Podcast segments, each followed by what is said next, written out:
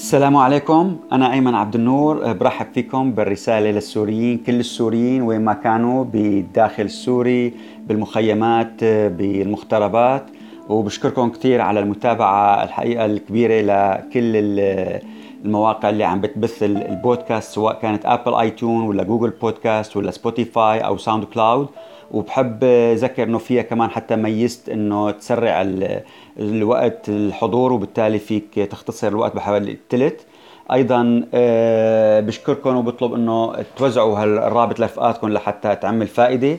هالأسبوع آه، ما كان في آه، حدث مفصلي محوري ممكن يغير يعني الواقع في سوريا لكن في عشرات الأحداث في عشرات القصص والأخبار اللي رح نذكرها اليوم كل منا مهم وضروري أن نعرفه لحتى ونعرف خلفيته لأنه له تداعياته اللي بدها تكون في المستقبل. بودكاست رسالة إلى السوريين على راديو الآن. خلينا نبلش رأسا مباشرة. نبدأ الذكرى. الأسبوع كان في الذكرى السابعة لمجزرة الكيماوي اللي ارتكبها النظام بالغوطة وراح ضحيتها 1400 شهيد من من مختلف الأعمار ورجال ونساء وكبار وأطفال. كان في لقاء حقيقة صوت وصورة مع رائد منشق اسمه أحمد حزرومه يعني بيأسي اللقاء بيشرح فيه كيف فقد هو 36 شخص من من يحملوا نفس اسم عائلته ومنهم بنتينه ومرته وأبوه وأخوه. فمأساة كبيرة. أيضا هالأسبوع كان في الذكرى الثالثة لوفاة آه، الفنانة فدوى سليمان اللي كمان خسرتها الثورة وكانت حقيقة علم عن عن تآخي ومحبة كل مكونات الشعب السوري. النقطة الثانية اللي بدي أحكي فيها هي تداعيات انفجار بيروت على الشعب في سوريا. كيف أثر بشكل مباشر بلشت تطلع النتائج؟ هذا الشيء اللي كان نحن متوقعينه لكن الآن بلش يظهر بشكل مباشر. يعني تعطل أول شيء مرفأ بيروت آه هذا آه أدى إلى ضعف استيراد المواد وإدخالها إلى سوريا.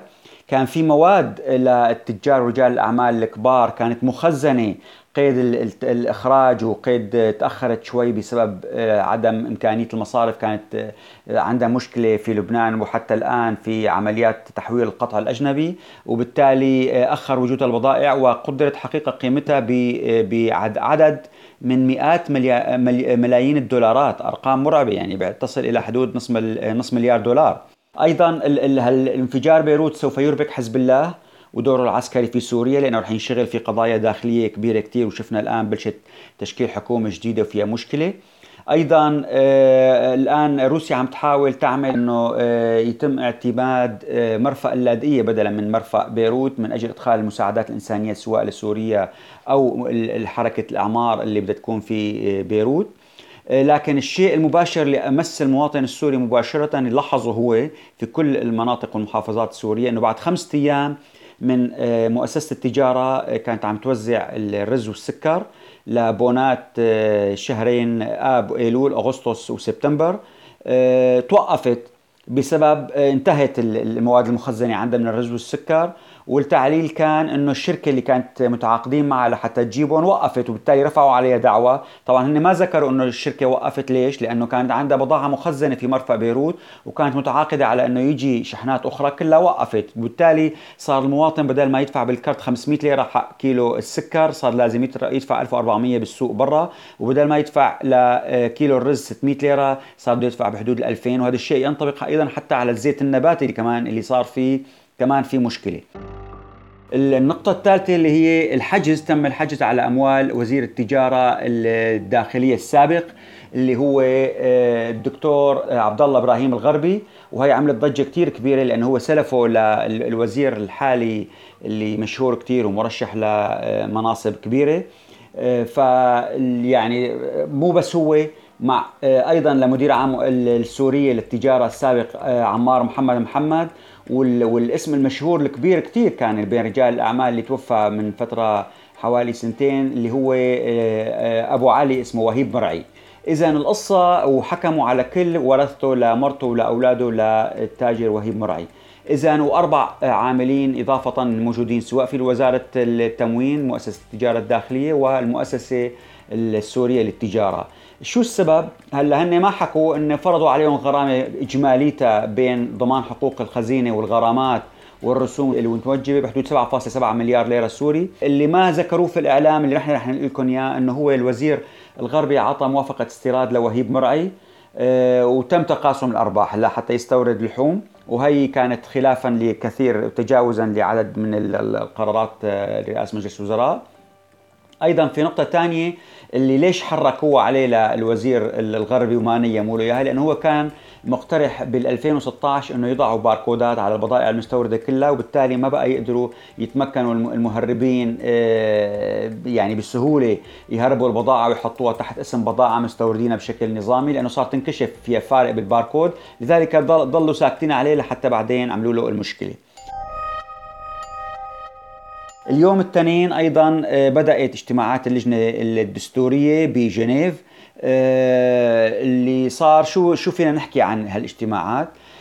خلينا نقول الخميس الماضي اجتمع وزير الخارجية التركي مع آه، رئيس الائتلاف ومع رئيس هيئة التفاوض السورية ومع رئيس الحكومة السورية المؤقتة وناقش معهم كل القضايا السورية اللي والتعاون التركي وقرر إنه يدعمون وحكى عن قضية شو ممكن القضايا اللي تنطرح في اللجنة الدستورية. أيضا السفير الأمريكي جيمس جيفري والموفد الخاص لسوريا جوي ريبرن سافروا نهار السبت لجنيف والتنين رح يلتقوا والثلاثه رح يلتقوا مع نظرائهم ومع جير بيدرسون اللي هو آه، موفد الأمم المتحدة لسوريا. ورح يتناولوا قضية دفع الحل السياسي. رح يسافروا الاثنين جيفري وريبورن يوم الأربعاء على اسطنبول لحتى يجتمعوا مع الائتلاف ومع هيئة التفاوض ومع المجتمع المدني ويحكوا عن قيصر وحملة الضغط الأمريكية.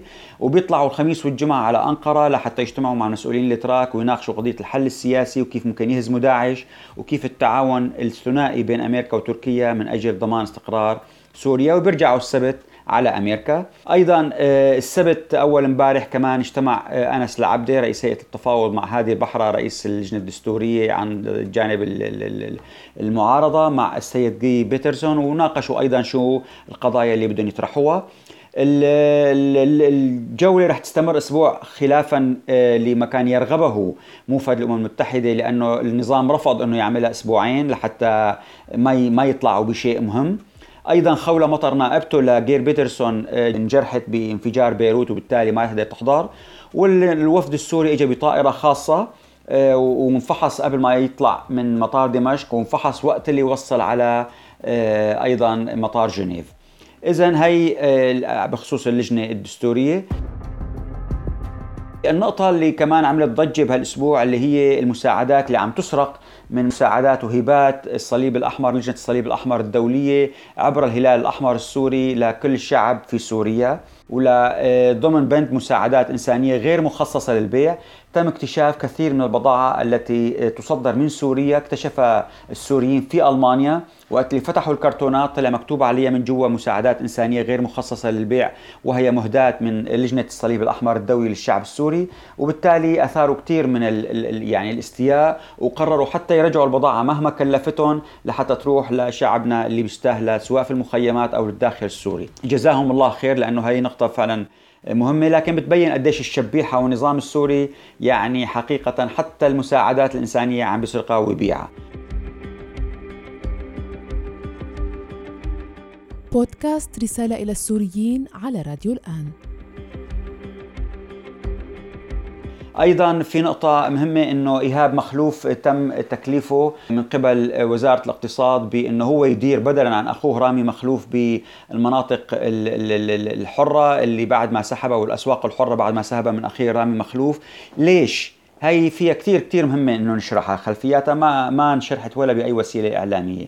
النظام دائما بيحرص إنه إذا عمل مشكلة مع عائلة معينة دائما يستقطب عدد من افرادها لحتى ما يخلي كل عائلة ضده أو ما يقول العائله إنه هو ضدنا أو ضد ضد نحن ما نمثل في طائفة معينة أو ضد مدينة معينة. لذلك بنشوف وقت اللي علق مع رفعت الأسد وطرده خارج سوريا آه، ضل عدد من أبنائه داخل سوريا. وضلوا يشتغلوا بشكل نظامي وفاتح لهم المجال كأنه ما في شيء. أيضا بعد ما آه، قتلوا لمحمود الزعبي رئيس مجلس الوزراء بتلاحظ ابنه مفلح ضل في سوريا وضل يشتغل وضل قريب من النظام. نفس الشيء وقت بعد ما توفى أبو وائل محمد ناصيف آه، تم إبعاد كل أفراد عائلته من كل المناصب الحساسة في سوريا لكن الآن بلش يحاول يستقطبهم كلهم واجتمع مع اللواء آه، فؤاد ناصيف. أخوه لمحمد ناصيف أحد قادة النظام الكبار وكان عم بيحاول ينسق معه إنه بلكي يرجعوا أجزاء منهم إلى المناصب الكبيرة في النظام لحتى يستفيدوا منهم وبالتالي ما يتركوا مجال ليكون في خلاف والشرخ الحاصل حاليا مع عائلة مخلوف. أيضا ضمن نفس الباب ما دام علق مع رامي مخلوف فالآن هو عم بدعم أخوه إيهاب اللي كان نائبه لرامي آه، بمؤسسة سيرياتيل لكنه تعاون مع النظام السوري وأعطاه لكثير لبشار الأسد بعض الأسرار. قام طردوا رامي مخلوف وعين ابنه علي كنائبه في شركة سيرياتيل لذلك تكريما له النظام رايد كرمو وأعطاه الأسواق الحرة.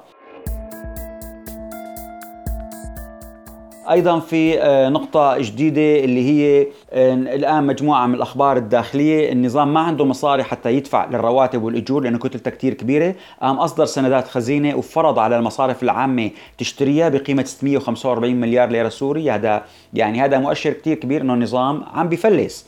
أيضا الإدارة الذاتية في شمال شرق سوريا ألقت القبض آه، ولأول مرة بشكل علني على شبكة فساد من محمد يلماز ومحمد كارهاما. كانوا عم بيسرقوا آه، واختلسوا 5 ملايين دولار بتجهيزات طبية عبر فواتير كلها مزورة. قصد أيضا قطعة الغاز القادم من المنطقة الشرقية عن محطات توليد الكهرباء وبالتالي انخفض إنتاج الكهرباء لدى النظام السوري وزاد الساعات قطع الكهرباء على المواطنين. أيضا آه، في آه، مركز الحسبة اللي هو مركز الفلاح في إدلب اعتقل مدير معهد القبالة بإدلب لأنه العارض لوحة تمثل رمزا ماسونيا. كمان هذا بعد الفضيحة أو الضجة الكبيرة اللي صارت أنه طلع في رمز ماسوني على كنزة الشخص اللي كان ماشي بجنبه للجولاني أيضا النظام اعطى قطعة أرض لروسيا 8 هكتار لحتى يعملوا فيها مستوصف صحي لفرق الطيران الروسي وهي بتتضمن مناطق جدا جميلة فلاذقيه حتى مع مسطح مائي. يعني كمان هذا كأنه عم بيوزعوا من بيت أهلهم أو ملكهم الخاص فهي كمان مشكلة. من الأخبار الدولية الائتلاف عين ممثل له في واشنطن. الآن عم بيستنى الموافقة عليه من قبل الحكومة الأمريكية اللي هو قتيبة إدلبي عمره 31 عام وهو دارس علوم سياسية بجامعة كولومبيا وكان انحبس مرتين اعتقل مرتين وبعدين اضطر يهرب للبنان ومن لبنان لمصر وبعدين للولايات المتحدة. أيضا من الأخبار ال Google Play اللي هي ال Android والمتجر تبع Google Play حذف تطبيق المصرف التجاري السوري منه اللي كانوا يستخدموه مواطنين في دفع فواتير أو ال check على حساباتهم قديش الرقم. سكروا لغاه كله لحتى ما يخضع لعقوبات قانون قيصر. أيضا في شغلة مهمة صارت المحكمة العليا في بريطانيا قررت وسمحت للحكومة لوزارة الخزانة في بريطانيا إنه تكشف 161 مليون استرليني يعني أكثر من 200 220 مليون دولار موجودين باسم بشار الأسد والنظام السوري في بريطانيا. آه، كانت عم بتطالب فيهم آه، شركات التأمين اللي بسبب إنه هي شركات التأمين دفعت تعويضات لأهالي 58 راكب توفوا بسبب طائرة اختطفت طائرة مصرية عام 1985 واتهموا فيها النظام السوري وبالتالي النظام السوري لازم يعوض الأهالي المعتقلين. وبما أنه ما كان عندهم مصاري في لندن ما كانت مكشوفة دفعت شركات التأمين الآن شركات التأمين عم تقول نحن كشفناكم وبدكم تدفعوا لنا المصاري فرح يصادروا لهم ال 161 مليون جنيه استرليني بدل ما تذهب للشعب السوري عم تاخذها الآن شركات التأمين.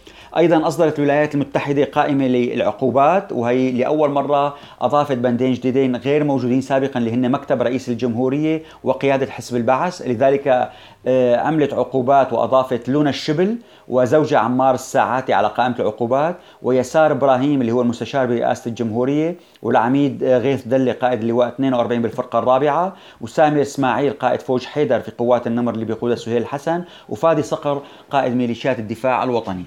هلا مين هذا يسار إبراهيم؟ نحن يعني خلينا نحكي عنه أكثر لأنه هذا جدا جدا شخصية مهمة اللي عم بيستبدلوا فيه رامي مخلوف الآن. عم بيحطوا كل شيء باسمه. هو ابنه للدكتور حسين إبراهيم اللي عمره الآن 82 سنة وهو كان آه، مدير عام سابق لهيئة الاستشعار عن بعد. طبعا آه، عنده خمس أولاد اللي هن آه، يسار وعلي وثلاث بنات اللي هن نسرين ولما ورنا. نسرين اللي هي أهم شخصية في ام تي ان اللي هي ثاني أكبر شركة خلوي في سوريا. فهدول هن العائلة الآن اللي يعني اللي عم يتم وضعهم المبشرين بالجنة يلي مثل ما بيقولوا اللي عم بيحطوا باسمهم كل الأمور. أيضا صار في مشكلة كبيرة حقيقة بين تركيا وقسد. تم قطع المياه عن الحسكة في 800 ألف مدني تضرروا وصار في حملات كثير من ناشطين بالمجتمع المدني الحسكة عطشة وحملة ثانية العطش يخنق الحسكة والصور على الفيسبوك وتضامنوا معه كثير كثير من الناس وتم توجيه عديد من الرسائل لامين عام الامم المتحدة واللي تحرك حقيقة هو والممثل الإنساني له الممثل الشؤون الانسانيه وبالنهاية تم حل القضية يوم الأحد. وبلش ضخ عن طريق محطة علوك وأكلت طبعا شيء 8 ساعات لوصلت المي والكهرباء ووصلوا الكهرباء. فهذه القصة حقيقة يفترض يبتعدوا عنها الطرفين سواء تركيا أو قسد لأنه هي ناس يعني ناس مدنيين أبرياء ما في داعي يفوت فيهم بهالقضايا. أيضا في موضوع جدا آه، يعني عمل إشكالية اللي هو آه، اللي زاعته وكالة أنباء فارس.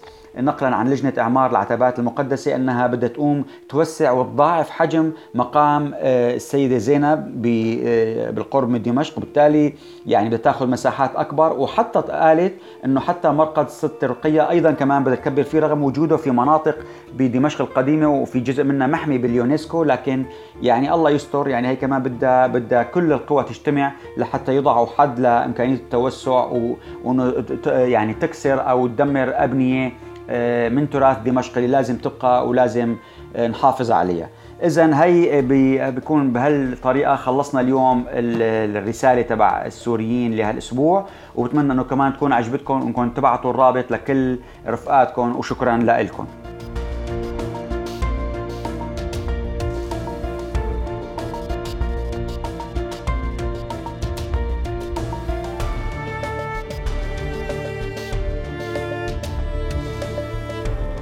بودكاست رسالة إلى السوريين على راديو الآن.